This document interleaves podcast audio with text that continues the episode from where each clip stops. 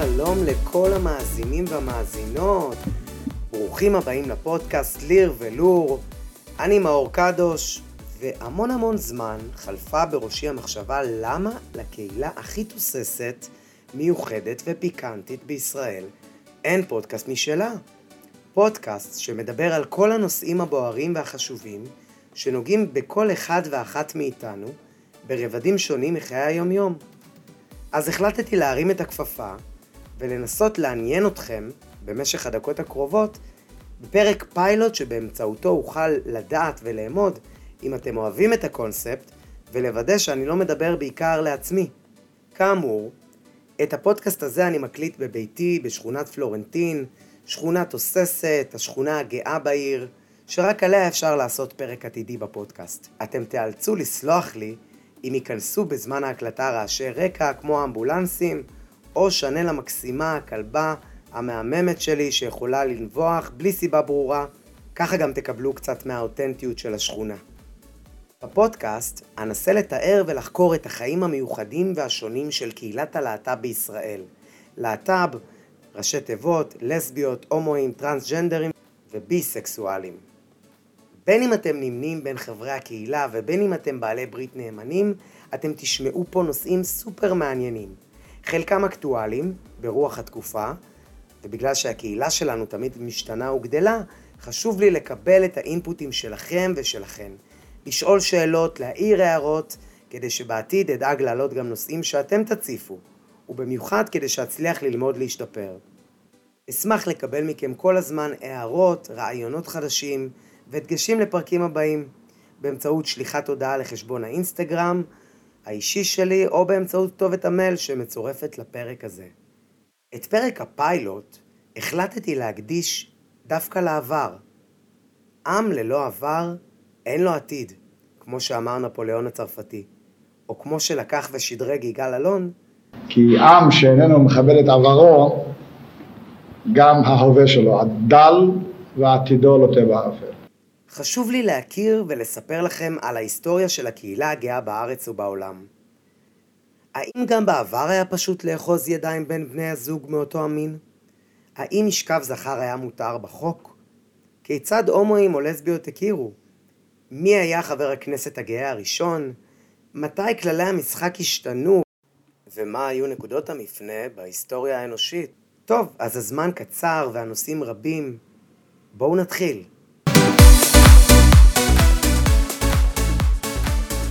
את ההתחלה של הפרק הזה נקדיש, איך לא, לספר הכי עתיק שאני מכיר, התנ"ך.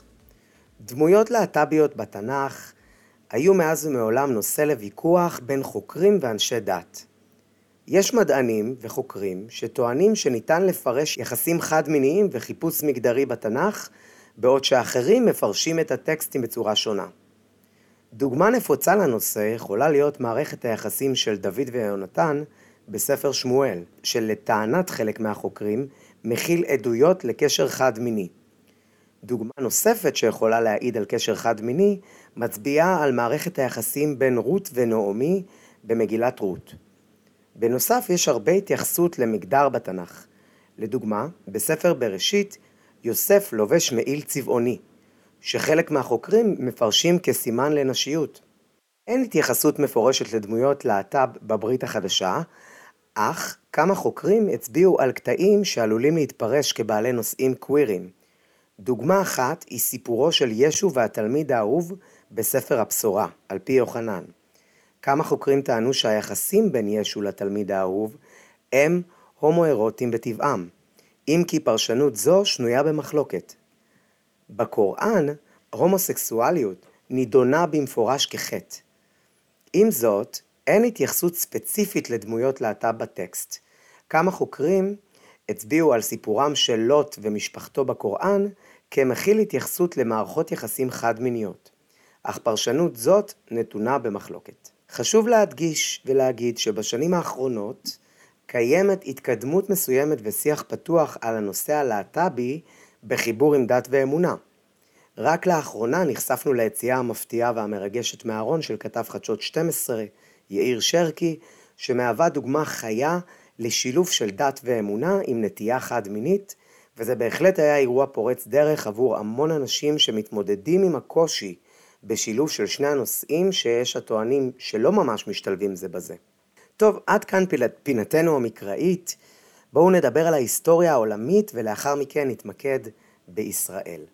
בארצות הברית, התנועה המודרנית לזכויות הלהט"ב החלה בסוף שנות ה-60, עם מהומות סטונוול בעיר ניו יורק. באותם ימים, כמעט בכל המדינות, הומוסקסואליות נחשבה עבירה פלילית.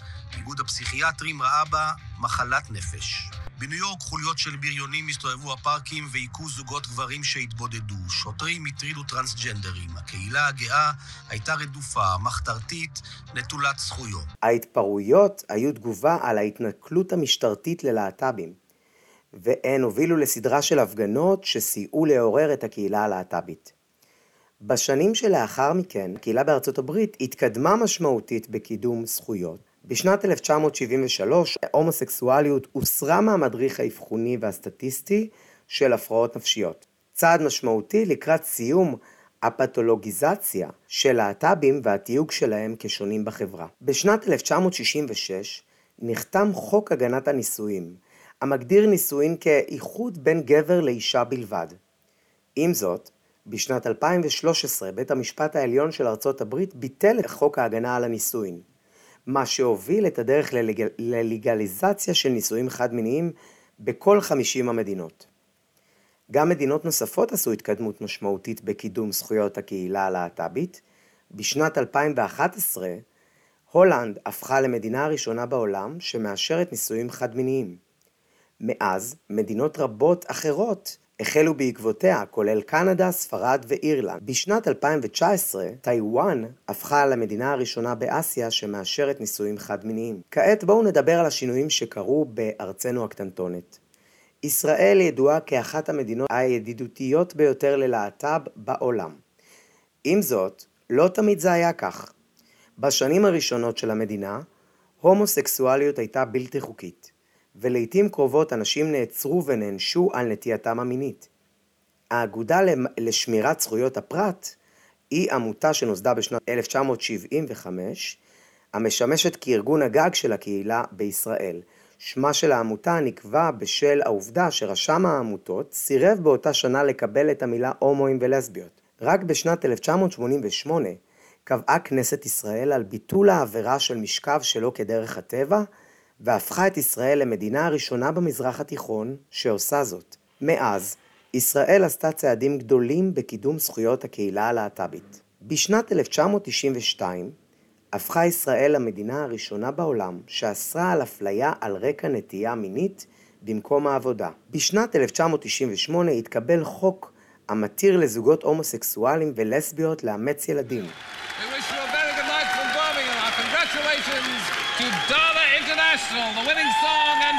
באותה שנה, דנה אינטרנשיונל, זמרת טרנסג'נדרית, זכתה בתחרות האירוויזיון עם השיר דיווה, והפכה לישראלית הראשונה שזוכה באירוויזיון מזה 20 שנה. זכייתה תפסה כותרות ראשיות והביאה להמונים לצאת, לחגוג ולשמוח ברחובות ישראל. דנה הפכה לאייקון תרבותי ולסמל לנראות וקבלה של הקהילה. המחלוקת סביב השתתפותה של דנה בתחרות סייעה להעלות את נושא זכויות הלהט"ב לקדמת התודעה הציבורית בארץ. מנהיגים דתיים ופוליטיקאים שמרנים התנגדו להשתתפותה, והיו הפגנות ואיומים באלימות נגדם וכלפי האירוע. עם זאת, למרות ההתנגדות, זכייתה סייעה בשינוי עמדות כלפי הקהילה וסללה את תחילתה של הדרך לקבלת שוויון. הניצחון הזה בעיקר עזר לשבור המון סטריאוטיפים ודעות קדומות. בשנת 1993 נחקק חוק דה-קרימינליזציה, או בשמו הפשוט אי הפללה של הומוסקסואלים בישראל. בשנה זו התקיים מצעד הגאווה הראשון בארץ, מסע ממונע של 14 כלי רכב שנעו וצפרו ברחוב דיזינגוף הלוך ושוב, כשהם מניפים את דגלי הגאווה. אותו מסע הפך למסורת מדי שנה במהלך חודש יוני, בערים רבות בארץ. באותה השנה תוקנו פקודות הצבא על מנת להשוות את תנאי גיוסם, קידומם והצבתם של חיילים וחיילות הומוסקסואלים ולסביות לאלה של יתר החיילים בצה"ל. בשנת 2002 התקיים מצעד הגאווה הראשון בירושלים, למרות מחאות אלימות מצד קבוצות שמרניות ודתיות. בסוף שנת 2004, אז ניתנה פרשנות חדשה למונח איש ואישה. על ידי בית המשפט המחוזי בנצרת, באותו מקרה תבע גבר מבית המשפט להכיר בו כיורשו החוקי של אהובו, אשר הלך לעולמו. לאחר שנים רבות של זוגיות, בית המשפט קיבל את תביעתו והוסיף כי המונח המגדרי המופיע בחוק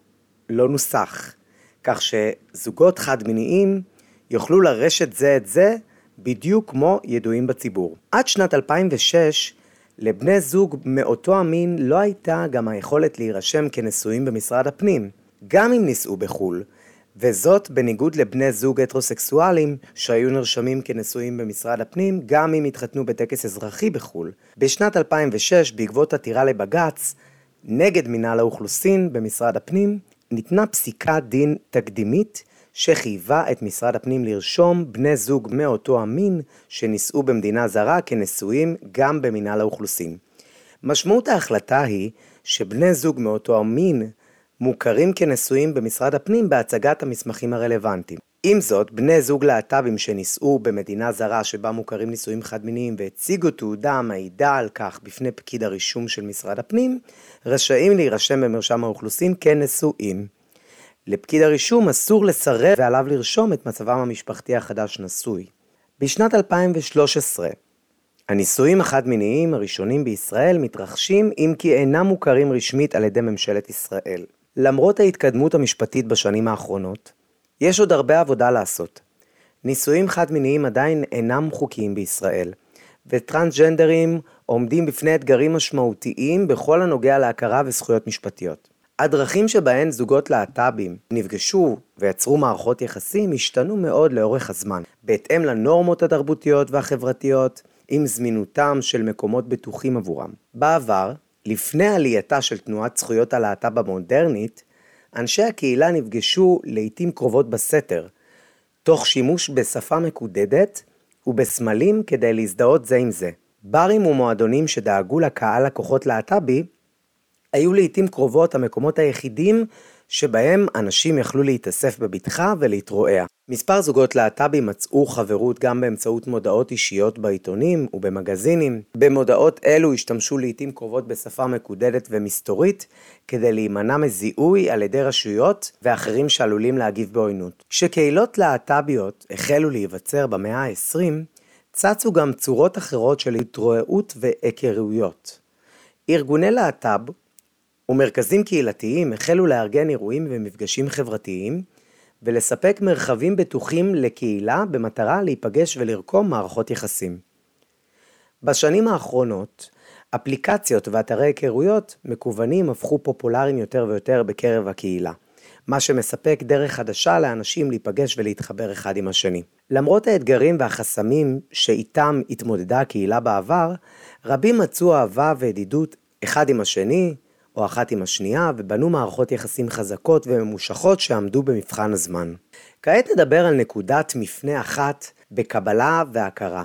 משבר האיידס. בשנות ה-80 וה-90, המשבר הביא תשומת לב לצורכי הקהילה ואילץ אנשים רבים להתעמת עם הדעות הקדומות והסטריאוטיפים שלהם על הקהילה.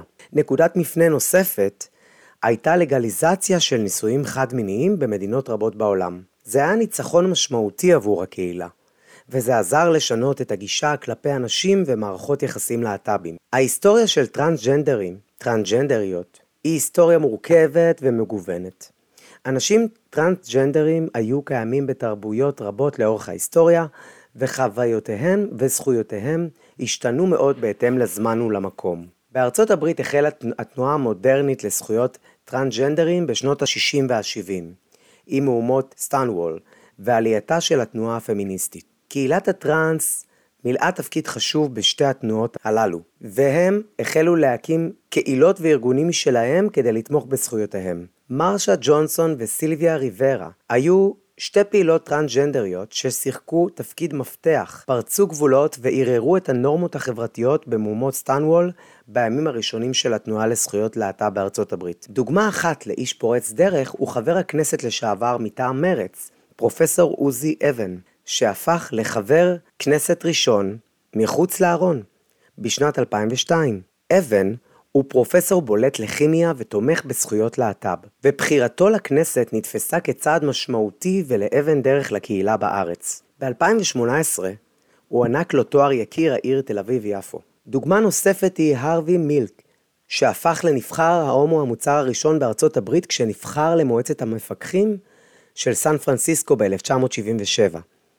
מילק היה תומך נלהב לזכויות להט"ב ומילא תפקיד חשוב במאבק לשוויון בארצות הברית. אנשים אלה ורבים אחרים כמותם, שלא ציינתי כאן, עזרו לשנות עמדות, תפיסות ונורמות חברתיות. סללו את הדרך לקבלה ושוויון גדולים יותר. תרומתם היא חלק חשוב מההיסטוריה של קהילת הלהט"ב, ועלינו לזכור את פועלם גם בימים אלה. לסיכום, ההיסטוריה של קהילת הלהט"ב היא של התקדמות ומאבק.